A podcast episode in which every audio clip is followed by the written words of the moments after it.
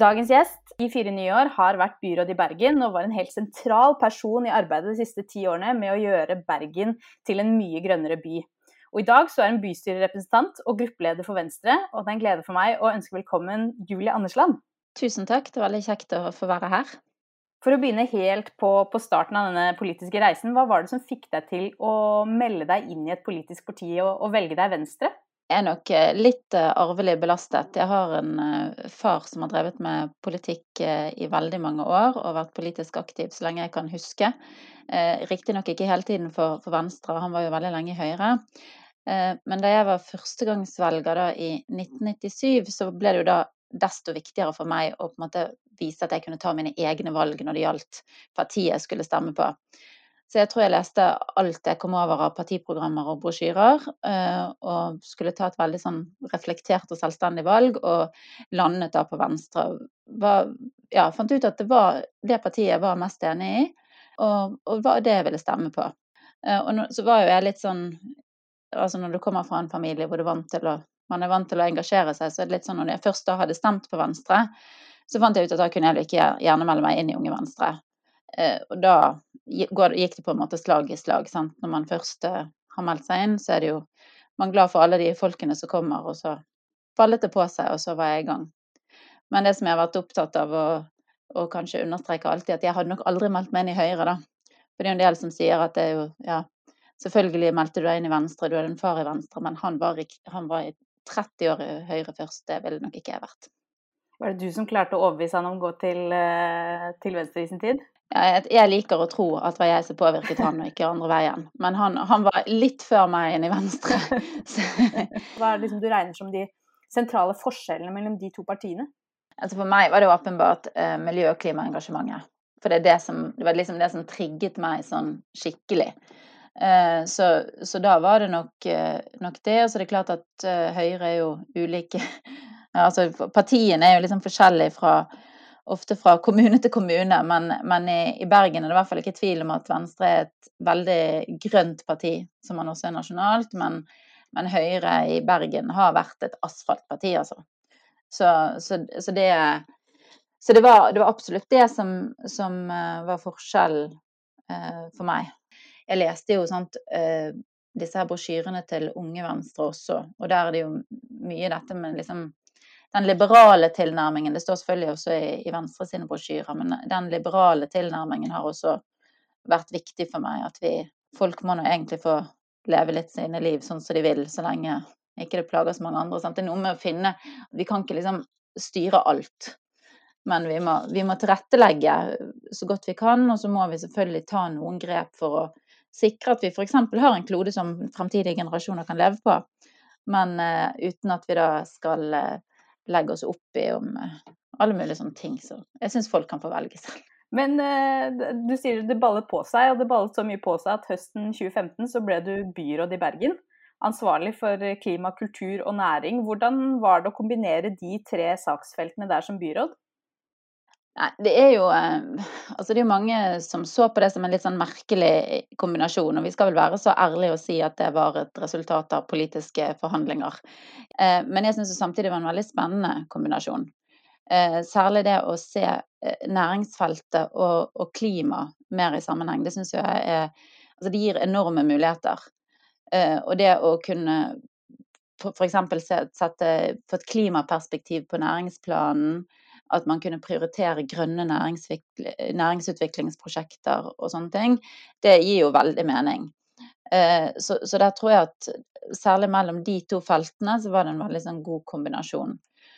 Og så var jo hele hensikten da var jo å liksom på godt og vondt at man skulle løfte klimaet litt vekk fra Altså byutvikling er et enormt stort saksfelt, og i Bergen så har det alltid vært eh, byutviklingsbyråden som da har hatt klimafeltet også, klima, miljø og byutvikling. Eh, og det henger jo selvfølgelig veldig naturlig sammen. Men samtidig så er jo den byutviklingsporteføljen så enormt stor at noe av tanken var liksom at hvis du også tok klima litt vekk fra, fra det enorme saksfeltet, så kunne man kanskje få muligheten til å løfte klima og legge det som en sånn overordnet føring som lå til grunn for, egentlig for hele styringen av kommunen. Og jeg tror at det var både fordeler og ulemper med det. Eh, åpenbart fordi at byutvikling er så tett knyttet til klima. Vi hadde heldigvis en, jeg jobbet veldig tett og godt med byutviklingsbyråden, så det fungerte, fungerte bra. Men det er klart at i en så stor organisasjon som Bergen kommune er, så er det, det er ikke til å komme forbi at det er mye sånn silotankegang. Så du klarer ikke helt Det der å gjennomtrenge de siloene og så klare å eh, på en måte bryte ned barrierer og si at nå ligger klima til grunn alle steder, det lyktes vi nok ikke helt med. Sant? Jeg tror man trenger mer enn fire år for å få en sånn organisering til å sette seg. Så jeg tror også mye fungerte.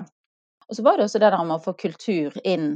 Altså begynne den tankegangen som for så vidt nå har, for, har fortsatt da, med, nytt, med nytt byråd. At, at eh, alle, alle, næringer, alle virksomheter, alle som egentlig organiserer noe, trenger også å tenke klima og miljø. Og det er mye som kan gjøres. Også også på kulturfeltet. Men det gjøres jo mye allerede. sant? Uten, men, men, eh, uten at man skal gå inn i å, å, definere kunsten eller kulturens uttrykk, så kan du f.eks. arrangere en, en, festival på en klimavennlig måte. Så litt det der, der begynte det også å komme litt sånn små drypp. Ja, så var det jo da et uh, Altså det byrådsskiftet, da hadde det vært mange år med, med Høyre og Frp ved makten, og så kom det et nytt byråd som besto da av Venstre, Arbeiderpartiet og KrF. Eh, og du fikk ansvar for klima, eh, kultur og næring. Hvordan grep du an det arbeidet? For da hadde jo Venstre veldig ambisjoner om å gjøre Bergen grønnere. Ja, og det er klart at etter et, et byråd som da hadde blitt ledet av Høyre, og veldig sånn høyresiden med Frp eh, tydelig på i mange år, så det er klart at da var det jo noen veldig sånn lavthengende frukter å sette i gang med. sant? Fordi at de, de startet jo Altså vi overtok jo med at det forrige byrådet lagt frem et budsjett som på en måte kuttet i alt på klima. Sånn sett så var det jo lett å, å snu ganske tidlig.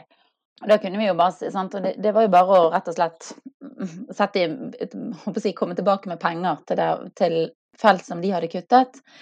Men så eh, hadde de også sendt ut en klimahandlingsplan på høring, den såkalt grønn strategi.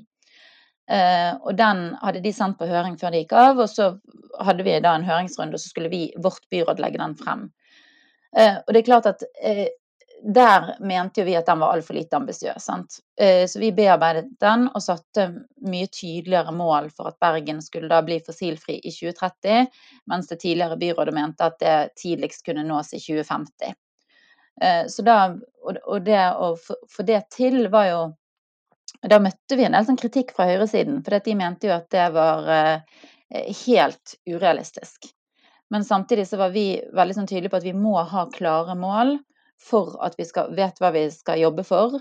Og så må vi selvfølgelig, eh, må vi selvfølgelig da også eh, se at vi kommer i mål. Sant? Vi må følge med underveis og måle underveis. Men, men grønn strategi ble en sånn tror jeg ble litt sånn et vendepunkt. fordi at da var det en ting var at da gikk Bergen kommune veldig tydelig ut og sa at nå er det 2030, da skal Bergen være fossilfri. Og sånn er det. Og så fikk vi sånn som eh, viktige aktører, type Bergen næringsråd.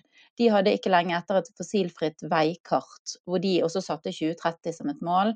Klimapartnere gikk ut og sa at OK, nå har Bergen kommune sagt fossilfri 2030, da gjør vi det samme. Så fikk de inn veldig mange av sine medlemmer, altså viktige nærings, eh, aktører til å sette det samme målet. Og da ble det en sånn da ble det ikke bare noe som politikere sa som var veldig ambisiøst og, og, urealistisk, men det ble faktisk et mål som veldig mange gikk inn for sammen. Og veldig mange fulgte det. Så vi hadde eh, Bergen havn f.eks., som da leste denne planen og skjønte at OK, bystyret har faktisk vedtatt dette. Da, da nytter det ikke med alle disse her uh, um, supply-skipene våre som ligger og, og, slipper ut en masse greier. Da må vi faktisk få landstrøm på plass. Og så begynte man å jobbe målrettet for å få en del sånne ting til. Så det var nok en litt sånn Jeg oppfatter nok at det var en sånn tydelig skifte, da, at vi klarte å være tydelige på de målene. Når du ser tilbake på den fireårsperioden nå, hva er det du tenker hvis du skal trekke fram et par punkt som var de viktigste grepene for å få konkrete resultater? Ehm, jeg tror jo både det som, altså, som jeg nettopp nevnte, sant, at vi ikke hadde klare mål som, om, som ble kommunisert. Vi hadde også uh, Vi fikk også på plass et klimabudsjett som uh, først var i sin veldig sånn enkleste form. Sant? Men som vi var tydelige på at vi vil heller sette i gang og få på plass et klimabudsjett og utvikle det. For når vi har et klimabudsjett, så kan vi se eh, hvordan altså der, der, la vi jo inn alle tiltakene vi hadde for å komme i mål med å bli fossilfri 2030. Og, vi, og hvor mye man beregnet at disse her tiltakene ville gi i, i, eh, i, å kutte utslipp. Og så måtte vi da gå inn og så kunne, da kunne vi gå inn og justere. For målet var lagt, men da måtte vi gå inn med flere tiltak hvis vi så at vi ikke kom, kunne nå det vi hadde satt oss, f.eks. Så det var også viktig. Eh, dette med med landstrøm var også en, en viktig sak altså, å få på plass. Og der jo, fikk vi til et veldig godt samarbeid også med, med Ola Elvestuen, sant, som var med eh, eh, klima- og miljøminister. Og vi fikk etter noen sånne litt sånn kjipe runder hvor eh, Bergen havn ikke fikk penger gjennom Enova til, eh, til å, å, bygge ut landstrøm, så fikk man til et veldig bra samarbeid og fikk liksom løftet den saken veldig tydelig. Og jeg tror det også var klart for mange at Venstre hadde gjort noe for å få dette på plass. Da. Eh, og så det siste som jeg tror også var ganske viktig, særlig etter det byrådet som hadde sittet. Sant? Så noe av det som jeg tror satt igjen for mange, var at man var ikke villig til å ta de upopulære grepene. Eh, når, når, byluften i Bergen har gjennom mange, hadde gjennom mange vintre vært dårlig, og så er det selvfølgelig væravhengig, men, men det er ikke tvil om at det var eh, mye utslipp. Og vi fikk helt på slutten av det forrige byrådets tid, så fikk vi presset gjennom, med hjelp fra Venstre og andre, at det skulle innføres eh, eh rushtidsavgift eh, i Bergen. Eh, og det ble iverksatt under vårt, altså under Venstre, KrF og Arbeiderpartiet i byrådet som startet da i, i 2015. Eh, men, så det var jo greit nok, det var jo allerede vedtatt. Men det var en del sånne andre viktige ting som vi gjorde. Altså når, når, luft, når luftforurensningen ble høy, så var vi tydelige på at da måtte vi faktisk iverksette tiltak. Og det er noe som man alltid vegrer seg for, for det er upopulært. Sant? Så hadde vi eh, tiltak som heller ikke var de beste. Og det var jo noe vi sloss lenge om å få lov til å bruke andre virkemidler enn de som eh, vi da hadde. Men det som vi f.eks. tok i bruk, for det var det beste vi hadde da, det var jo sånn datokjøring hvor det bare eh, hvor det er avhengig av dato, sant? siste siffer på, på, um, på registreringsnummeret, så avgjør om du får kjøre bil den dagen. Og det er jo et, egentlig sant, det rammer jo helt vilkårlig, og det er ikke godt egnet, men det var det vi hadde. Og vi var veldig tydelige på at vi må faktisk la liv og helse komme først. Vi må få ned luftforurensningen som var veldig helseskadelig. Men eh, jeg tror det også Da fikk vi i hvert fall vist at vi kunne gjøre sånne ting når det måtte til, men, men vi unngikk det selvfølgelig når vi ikke måtte. Eh, så det var også noe. Og så er det jo klart at liksom den store, viktige saken eh, for Venstre har hele tiden vært Bybanen.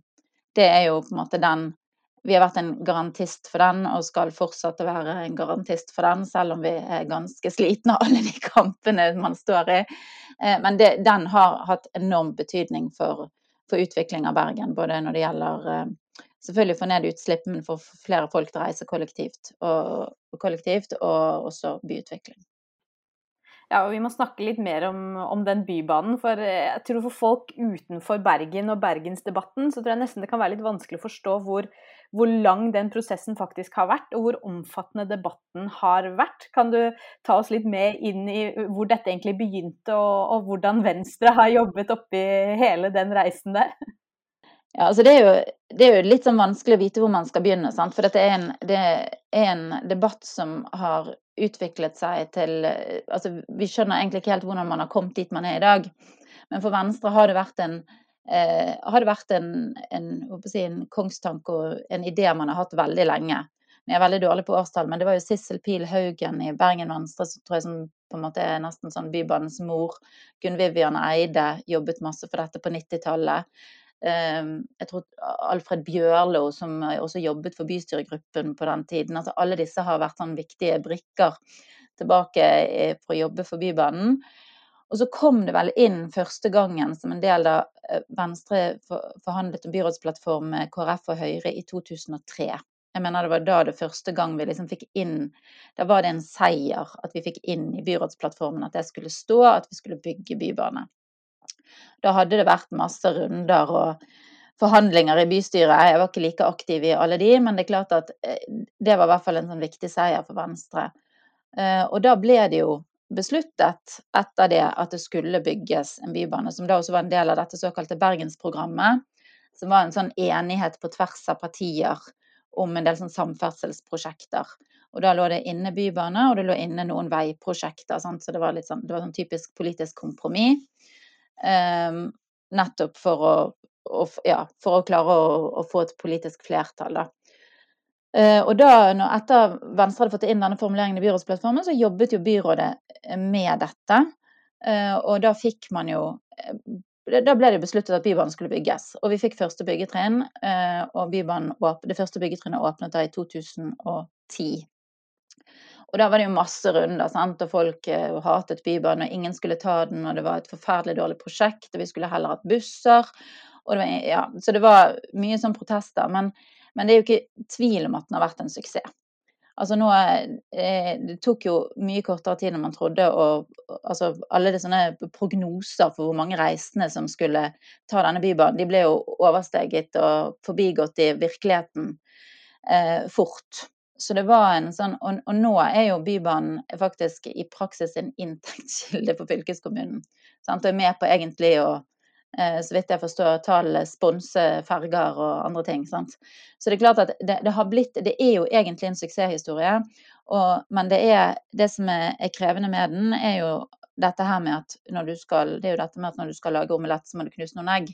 Og du kan ikke bygge en bybane i en by uten at det selvfølgelig får konsekvenser enten for ja, at du må rive noen hus, eller at du må la den gå langs bryggen, eller at du må ja, gjøre en del sånne eh, grep. Og det har I Bergen er det noen sånne debatter som kan tilspisse seg om små og store ting. Eh, og den debatten om Bybanen langs Bryggen har jo vokst seg helt ut av alle eh, proporsjoner, mener jeg. Men det handler jo i den korte historien er jo at det handler om at Sant? Noen er veldig mot at Bybanen skal gå langs Bryggen, eh, og mener at det vil være ødeleggende for, for ja, Bryggen som kulturminne. Mens vi andre ser jo at det vil gi en mye, mye bedre bybane, og på ingen måte ødelegge kulturminnet. Det går massevis av busser og biler der i dag, og den trafikken vil man jo da få eh, i praksis få vekk. Eh, og heller få en, en stillegående bybane. Så, men, men det, er, det, har blitt så steile fronter at eh, det er jo det er jo krevende å, å stå i over lang tid. Sant? Og nå, nå, er det Bybanen, nå bygges Bybanen vestover, at vi har fått den helt sør til Flesland. Ingen som trodde at folk kom til å ta Bybanen fra sentrum til Flesland, for det tar jo altfor lang tid. Men det har jo aldri vært ment at det skulle være et flytog, det har ment at det skal være en bane for nærtrafikk. Og det er mange flere som tar Bybanen til Flesland enn noen trodde når man kan reise, da, vel å merke. Men så, så, så, nå bygges den vestover, og den skal vel åpnes da til Fyllingsdal om ca. to år. Og så er det denne strekningen nordover som er den krevende, for da må man gjennom sentrum, og der er det enten Bryggen eller en tunnel. Det er jo åpenbart at siste kapittel i hele bybanedebatten ikke er eh, ferdigskrevet. Det er jo litt sånn som vil følge helt til den dagen det står, står klart. Men vi kan jo snakke litt om den delen som du har vært litt inne på nå, da, at det, er man må ta noen tøffe beslutninger hvis man skal få resultater. Og for å lage en omelett så må man knuse noen egg. Eh, og det er jo en del av det å jobbe med politikk, og særlig med klimatiltak som kan være, oppleves veldig radikale for folk. Så, så opplever man jo ofte som politiker å stå litt i, i motvind eh, for, å, for, å, rett og slett klare å, å lykkes med de oppgavene man, man skal gjøre. Eh, og så tar det jo fryktelig lang tid, som jo Bybanen også er et eksempel på, eh, fra forslaget kommer til det faktisk står der. Eh, er det noen dager hvor det politiske arbeidet gjør deg liksom helt oppgitt og utålmodig, og at du mister litt motet, eller, eller føler du at liksom resultatene er så tydelige når de kommer, at det, det gir nok drive til å stå på også i de der treige periodene? Nei, det er jo absolutt dager hvor du tenker at nei, nå gidder jeg ikke mer. Nå får de bare bor, liksom, sant, grave en tunnel ned i alle kulturminnene, og lykke til å sitte der med teskje og alle, eh, alle arkeologene. Sant? Men, eh, så, så det, er, det, er, åpenbart at det er noen sånne dager.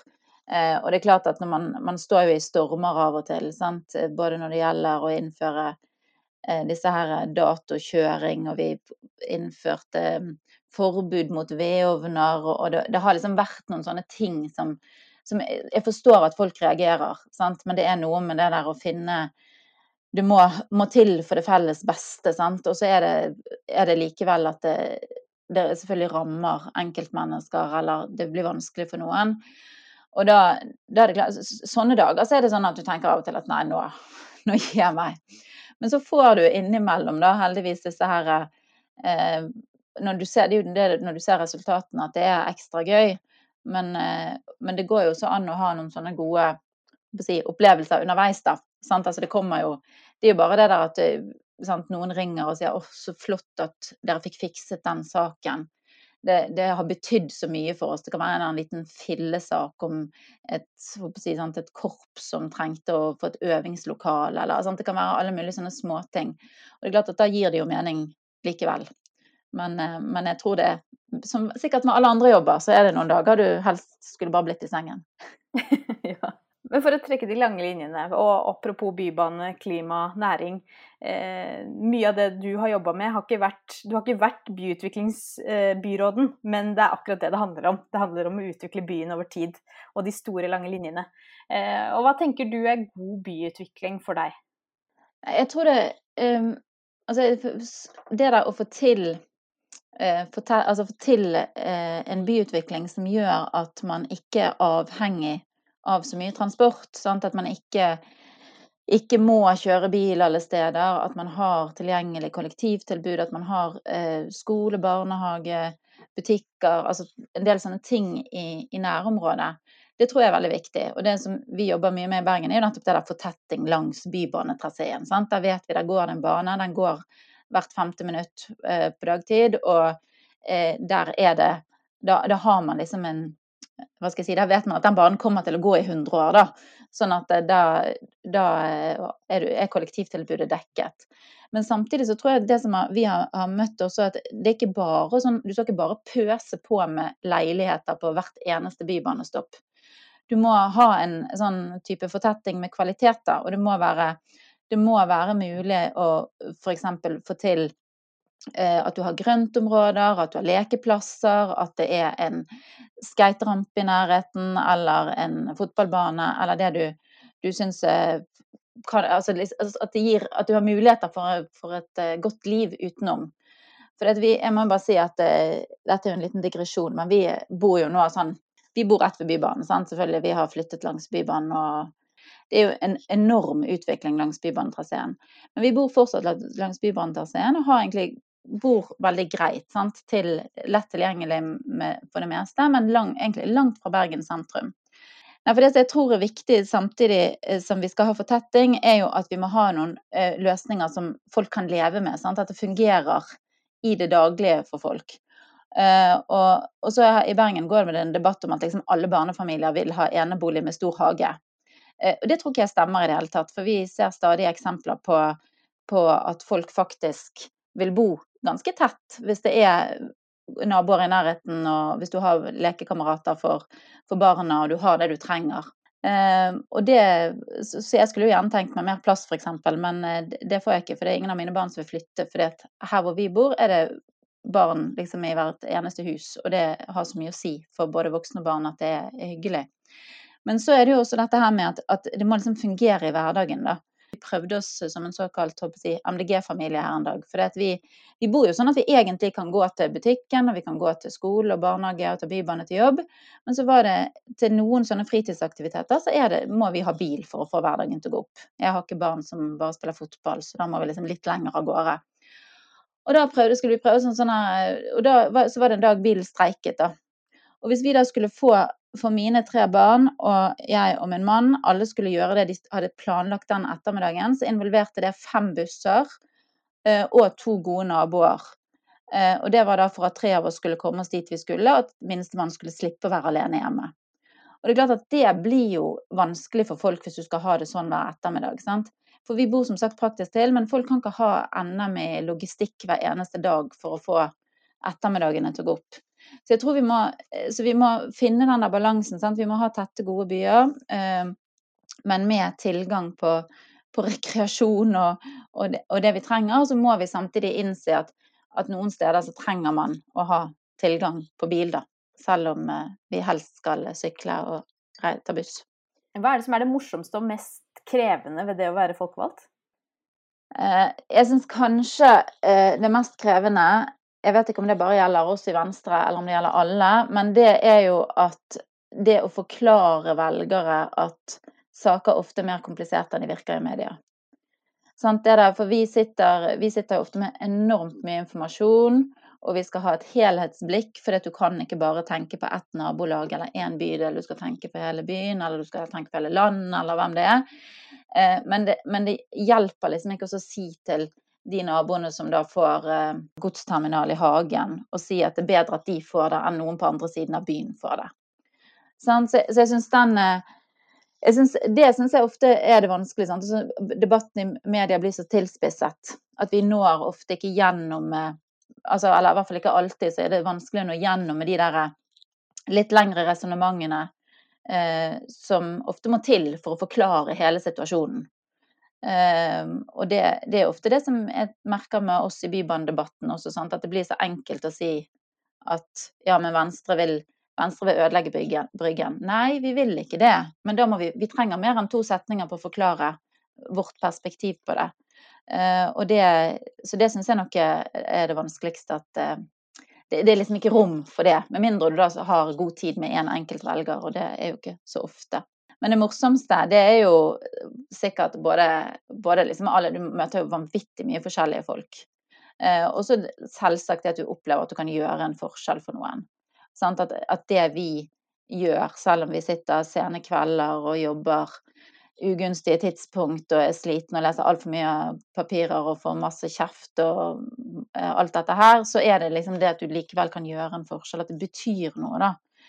Var med på var, var kulturbyrådet, vi klarte endelig å få penger til liksom nytt, eh, altså få penger til Sentralbadet som skal bli nytt eh, bygg for Carte Blanche og, og Teatergarasjen de har vært husløse i årevis og liksom jobbet med å finne løsninger. Når vi endelig klarte det, så var det sånn virkelig sånn altså Da ble jeg oppriktig glad selv. Selv om ikke det betyr så mye for meg, så betyr det så enormt mye for de. Sant? At nå ser de at det skjer noe. Og så kan jeg fortelle, var, vi hadde jo her en her en dag så gikk vi, skulle vi, møtte vi en sånn si, aksjonsgruppe, eller hva skal vi si eh, Kanskje ikke aksjonsgruppe, men noen, noen som er veldig opptatt av et lokalt vassdrag og som har veldig mye gode tanker om hvordan man skal flomsikre, og hva man skal gjøre og ikke gjøre. Eh, og har masse, masse kunnskap. Altså veldig flinke folk. Men da var vi noen eh, lokalt her fra, eh, fra bydelen og fra bystyregruppen som gikk tur med de langs dette vassdraget. Og det var jo sånn typisk sant, Bergens ettermiddag. Det var ikke det at det regnet, det bare pøsregnet. Og vi trosket, trasket og trasket og trasket, og de stoppet jo liksom for hver tiende meter og skulle fortelle et eller annet. Og så skulle vi jo nå et Vi skulle komme frem til et vann, og det var der de skulle vise oss det viktigste. Så vi skulle komme frem dit. Og da vi hadde gått i en og en halv time, så var vi jo ikke kommet halvveis. Så sa jeg sånn forsiktig at vet du hva, jeg tror kanskje ikke vi kommer frem dit, vi får ta det en annen dag. For vi har liksom litt andre ting som skjer i kveld. Nei, men da kunne han, kom det fra han ene av disse lokale ildsjelene at han kunne kjøre oss eh, Hvis det var greit at han kjørte oss tilbake igjen om vi kunne bli med opp til det vannet. Det tok bare 20 minutter, så skulle, vi, skulle, han kjøre oss hjem, for han bodde i nærheten der, og han hadde en bil i garasjen.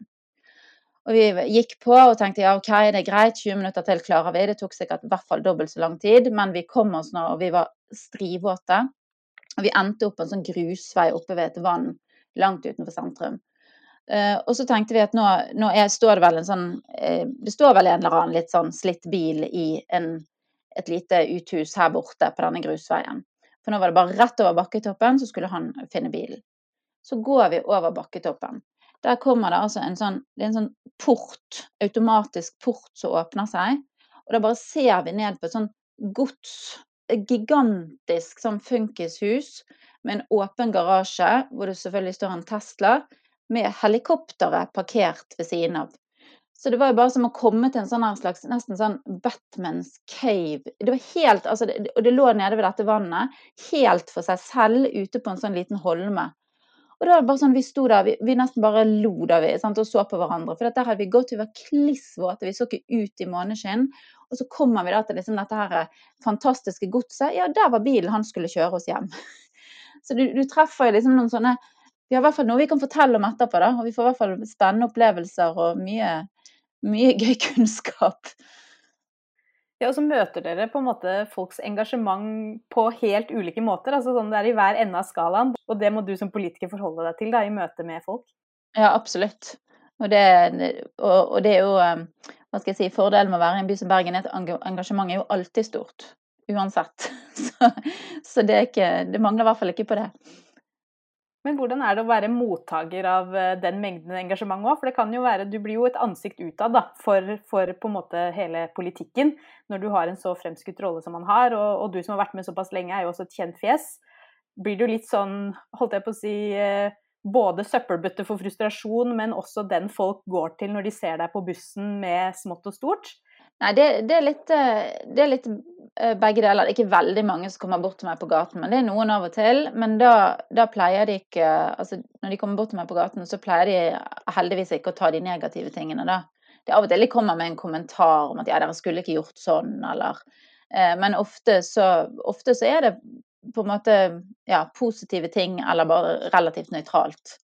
Men det er klart at eh, på mail og sånne Messenger og andre, andre, medier, der får man jo mye rart.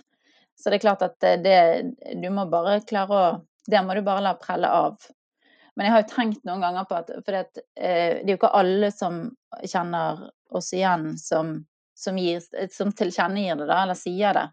Så jeg har jo tenkt på det av og til når jeg går med, liksom, med barna mine, og de jodler i alle retninger og løper rundt, og så tenker jeg sånn Oi, ja, nå håper jeg ikke noen kjenner meg igjen. For det, eh, du føler liksom av og til at, eh, at uh, man skulle kanskje hva skal jeg si, skulle vi, vi, skulle kanskje av og til tenkt oss om hvordan vi oppførte oss ute hvis, hvis, det var sånn at det var mange som kjente oss igjen hele tiden. Det, jeg tror ikke det er så mange. Nei, og så kan det jo hende det var eh, akkurat den som så deg i den situasjonen, kjente seg veldig igjen og syntes det var litt godt å se en politiker som, som kjenner deres daglige kamp. ja, det er godt hvis det er sånn. For å avslutte med et, et, spørsmål som jeg stiller alle som er gjest i, i podkasten. Hvis du skulle gitt ett råd til noen som stiller til valg for aller første gang, hva er det det skulle vært? Jeg, jeg pleier å si eh, Altså, jeg, jeg liker at vi, vi skal lytte altså være en god lytter da, til de som kommer med innspill til oss. Uh, og det tror jeg kanskje det som må bli det ene. Det er jo veldig mange sant, med engasjement som vi har snakket om, for stort og smått. Men, eh, og det er klart at eh, ofte så er det litt sånn NIMBY, sant? not in my backyard, og man ser liksom veldig sånn tunnelsyn og sånt. Men, men mange har nå noen gode innspill, og så er det i hvert fall greit å, å, å lytte til dem. Og ofte så handler det om det der bare å bli hørt noen lytter til det de sier, at det har, har mye å si. Det andre må være ikke les kommentarfeltene. Jeg tror det er lurt å være forberedt på at man får litt kjeft. For det er klart at du som, som lokalpolitiker så får man løfte mye spennende saker, og man får lytte og møte folk, men man får ekstremt mye kjeft. Eh, og, det, og, det, kommer ofte i Selv om ikke det kommer når man møter folk på gaten, så som sagt så kommer det gjerne i kommentarfelt som jeg aldri leser med vilje. Eh, men det kommer også rart på sånn type Messenger. Noe av det som man får, er noe, noe sånn som eh, si, ikke greit. Og sånn, det har nok vært for Det er nok for mange, og jeg tror dessverre særlig kvinnelige politikere. Men en del av de tingene som kommer, det er jo bare liksom sånn oppgulp, folk som er uenige og usaklige. Eh, men, men, det tror jeg Jeg tror du må finne en eller annen sånn måte å bare stålsette deg mot det på. Altså, var, som byråd var jeg veldig heldig da vi innførte alle disse her upopulære tiltakene. Så hadde jeg en rådgiver som på en måte kanaliserte vekk veldig mye, så jeg aldri så det. Men jeg har jo fått vite at det fantes, eh, og jeg har jo sett eh, en del ting selv. Så det er klart at det der å, å finne en måte at du, du kan komme For det er jo noe, stikker du hodet frem, så får du også fort mye kjeft og tilbake igjen. Og selv om eh, selvfølgelig politikere som står i det nasjonalt får mye, mye mer og alt mulig, så er det nå lokalpolitikere får nå litt også, sant, av, avhengig av hvilke saker og, og sånn de står i. Så det å finne en eller annen måte å klare å bare la det prelle av, det tror jeg er viktig. Å ha noen, uh, ja, ha noen andre ting man kan holde på med ved siden av, at ikke lokalpolitikken blir alt, sånn at du kan ja, koble av og gjøre andre ting når du kjenner at det blir litt mye. Ja, og Hvis man ikke har en rådgiver eh, og man kanskje sitter litt alene, så går det jo også an å spørre en, en, venn om å gjøre det i perioder. Det å være den som kan nå, nå, trenger jeg å ta litt avstand fra dette, kan du følge litt med om det er noe jeg faktisk må, må svare på? Og det å finne også et sted å løfte den frustrasjonen, da, kanskje med andre partifeller. For det er jo mange i, i også i en partiorganisasjon som opplevde det samme. Så det kan jo være ulike løsninger. Absolutt. Tror, og der tror jeg også sånn vi, når vi opplever at vi har stått i noen av disse bybanestridene, så blir det jo hos oss blir det jo hun som sitter i, i utvalg for miljø og byutvikling, som får veldig mye. Og da er det klart at da, når vi ser at eller hun gir beskjed om at nå er det veldig mye på en Facebook-gruppe, så er det klart at da, da, er det flere som går inn sant, og hjelper. Og, så, så, så, det er viktig å bruke andre. Men jeg tror bare at eh, Jeg tror eh, dessverre med alle sosiale medier og sånn som prater veldig mye, så kommer det også veldig mye frem som, eh, som ikke var der før, da. For du trenger ikke å sette deg ned og skrive brev lenger, eller finne telefonnummer. Sant? Du kan bare pøse ut. Og da er det klart at da, da må, man, må man finne noen form for ja, måter å takle det på, da. Eh, og så er det sikkert så er det heldigvis mange som ikke får det. Sant? Det kommer jo an på saker og, og sånne ting. Men, eh, men, jeg tror i hvert fall det er lurt å Hvis man står i det, så Jeg syns det er veldig synd at man skal gi seg pga. sånne ting, så det håper jeg ikke folk gjør. Så, så, det er mer å finne teknikker og, og, og um, bare liksom få det, ja, få det, til å prelle av, da. Eller å klare å stå i stormen. Og, gjerne, som du sier, finne noen som kan, kan hjelpe deg å enten svare eller å Ja, du kan koble av med. Tusen takk for at du ble med i poden.